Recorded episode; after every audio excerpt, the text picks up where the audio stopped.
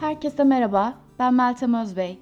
Bu podcast serisinde çocuklara, uykusuzlara, yolculukta sıkılanlara, hayatın içinde bir yanıt arayanlara masallar anlatmak istiyorum.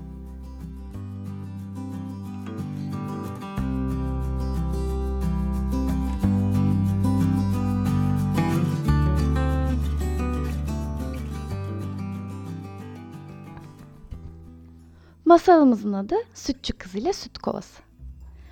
Peret bir dağ köyünde yaşayan genç ve çalışkan bir kızmış. Her sabah erkenden uyanır, inekleri ve koyunları sağar, evin diğer işlerini yaparmış. Annesiyle babası ondan çok memnunlarmış. Bir gün annesi ona şöyle demiş.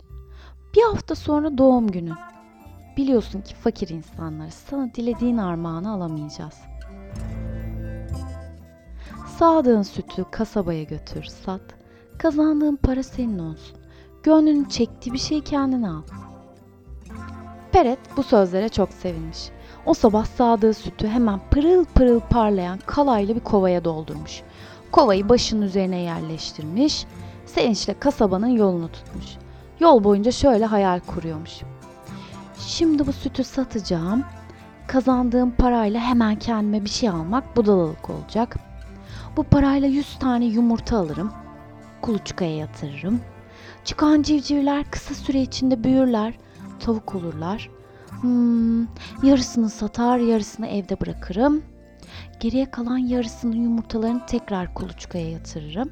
Böylece tavuklarım yüz misli çoğalır. Bunları satar, kocaman bir inekle öküz satın alırım. Bunların yavruları büyürler. İkinci yılda yavruların da yavruları olur. Böylece kocaman bir inek sürüsüne sahip olurum. Bunları satar. Zavallı kız daha çok düşünmeye fırsat bulamamış. Kendisini tamamıyla hayale kaptırdığı için önünde kocaman bir taşı görememiş. Ayağı buna takılmış, paldır küldür yere yuvarlanmış.